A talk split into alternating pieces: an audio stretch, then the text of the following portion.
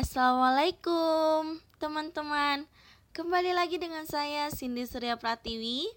Malam ini kita akan membahas tentang Apakah setiap keinginan anak harus dituruti oleh orang tua. Nah, pasti kalian pada tahu kan Apabila setiap keinginan anak tidak dituruti oleh orang tuanya Pasti mereka akan menangis dengan kencang, menjerit atau sampai merusak atau menghancurkan barang-barang di sekitarnya. Nah, ini merupakan gangguan yang bernama temper tantrum. Ada yang tahu nggak apa itu temper tantrum? Nah, di sini saya akan menjelaskan apa sih maksud dari temper tantrum ini. Menurut Chaplin tahun 2009, tantrum adalah suatu ledakan emosi yang disertai rasa marah, serangan agresif, menangis, menjerit-jerit, bahkan sampai mentak-entakan kedua kaki dan tangan pada lantai atau tanah. Nah, tingkah laku ini biasanya mencapai titik terburuk pada usia 18 bulan hingga 3 tahun dan kadang masih ditemui pada anak usia 5 atau 5 tahun. Nah, Tantrum ini jika tidak diatasin dapat membahayakan fisik anak yang mengalami gangguan tersebut. Selain itu, anak tidak mampu mengendalikan emosinya atau anak akan kehilangan kontrol dalam dirinya dan menjadi lebih agresif dalam berperilaku. Hal ini dapat mengakibatkan anak tidak mampu menghadapi lingkungan luar, sulit beradaptasi, tidak mampu menyelesaikan suatu masalah, dan tidak mampu mengambil keputusan untuk dirinya sendiri. Nah, kalian tahu nggak? Lingkungan itu ikut serta dalam menyebabkan anak mengalami gangguan temper tantrum karena lingkungan ikut berperan dalam membentuk tingkah laku anak seperti halnya berbagai eksperimen yang telah dilakukan oleh Pavlov Skinner dan Watson pada tahun 2004. Mereka mencoba menunjukkan betapa besarnya pengaruh lingkungan terhadap tingkah laku anak. Semua tingkah laku, termasuk tingkah laku yang tidak dikendaki, diperoleh melalui belajar dari lingkungannya. Nah, lingkungan keluarga akan sangat berpengaruh dalam membentuk perilaku anak karena anak bukan hanya mendapat modeling dari orang tua, tetapi juga dari pihak keluarga ibunya, seperti dari adik ibu atau biasa kita sebut dengan tante atau ibu. Nah, dan dari kakek atau neneknya. Orang tua merupakan suatu pihak atau pihak yang dapat membantu anak mengatur emosi mereka dari cara mereka berbicara dengan anak-anak mereka mengenai emosi. Misalnya, harus sering berkomunikasi di setiap saat pada anak. Walaupun orang tua lagi sibuk, harus menyempatkan diri untuk berkomunikasi membicarakan tentang masalah sekolahnya bagaimana agar anak bisa mengekspresikan emosinya di setiap kata-katanya. Nah, di sini ada beberapa tipe-tipe temper tantrum menurut Ma tahun 2008. Di antaranya yaitu yang pertama manipulatif tantrum. Nah, manipulatif tantrum ini secara aktif terlibat dalam membangun pemahaman anak sendiri dari pengalaman dan pemahaman yang diperolehnya dari mengamati dan berpartisipasi dengan anak-anak lain serta orang dewasa, termasuk orang tua dan guru, yaitu dengan cara anak mengamati atau uh, melihat semua kejadian dalam lingkungannya. Nah, yang kedua yaitu upside, upset temper tantrum atau distress. Nah, Anak yang termasuk dalam tipe ini adalah anak-anak yang mengalami distress. Apa sih maksud dari distress itu? Nah, maksud dari distress itu adalah dan yang terakhir adalah stress and the cathartic tantrum. Nah, kan semua kegiatan anak biasanya akan diatur oleh orang dewasa atau orang tuanya.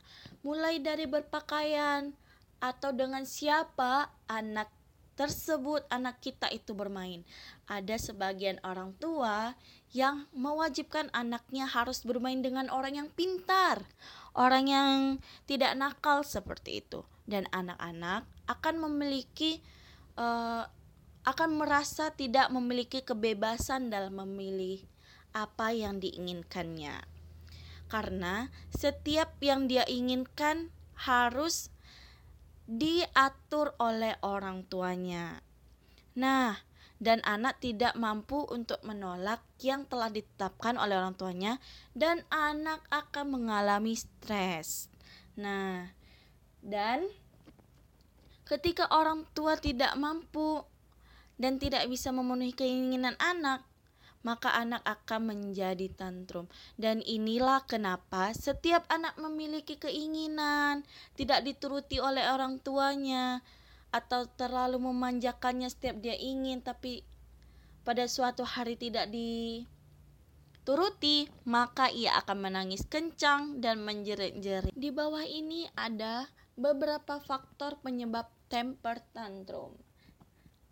Ada yang berpendapat yaitu menurut ahli Syamsuddin tahun 2013 temper tantrum biasanya terjadi pada anak yang aktif dengan energi berlimpah.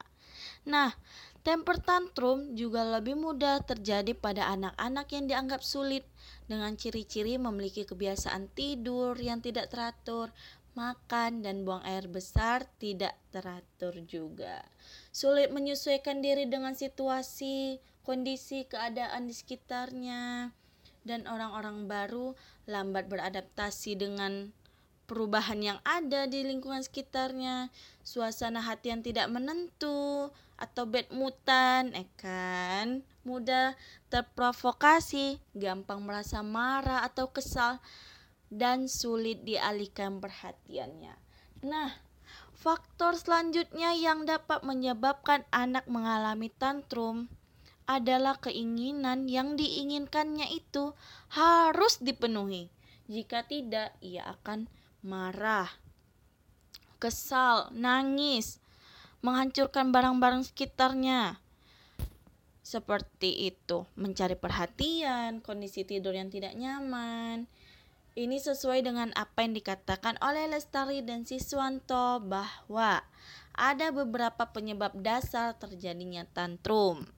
Antara lain, mungkin anak tersebut kurang merasa kurang mendapatkan perhatian sehingga dia mencari perhatian dengan orang tuanya dengan cara ia menangis untuk mendapatkan menarik perhatian orang tuanya lelah, lapar nah, dan tidak ini nyaman. yang terakhir yang Terkadang, paling sering kita temukan terjadi karena faktor anak penyebab anak mengalami gangguan tantrum adalah misalnya tidak pola asuh orang tua yang tidak yang konsisten. diinginkannya. Mungkin anak yang sering yang terlalu dimanjakan oleh orang tuanya dan mendapatkan apa yang diinginkannya akan mengalami tantrum ketika suatu saat keinginannya tidak dipenuhi oleh orang tuanya. Dan sikap orang tua terkadang tegas dan mengabaikan anak saat tantrum terjadi. Nah, tantrum dapat dapat berulang-ulang karena anak yang mengalami gangguan ini akan meyakini bahwa jika dia nangis dengan kencang mencari perhatian orang tuanya, keinginannya itu akan terkabulkan atau dipenuh atau dipenuhi oleh orang tuanya.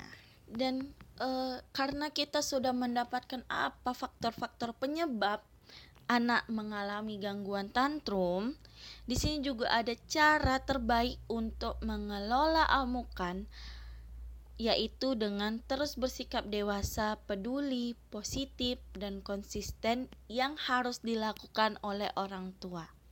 Tetapi hal tersebut tidaklah menjadi tugas yang mudah dan akan semakin sulit ketika anak bertambah usia. Dan ada beberapa hal yang dapat dilakukan untuk menangani amukan anak atau menangani jika anak mengalami gangguan temper tantrum.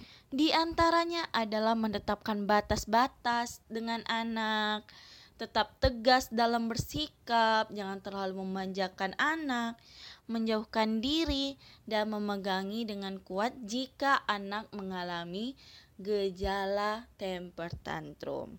Nah, sampai di sini saja yang bisa kita bahas untuk pembahasan malam ini. Semoga bermanfaat, teman-teman. Sampai ketemu lagi di pertemuan selanjutnya. Terima kasih. Wassalamualaikum warahmatullahi wabarakatuh.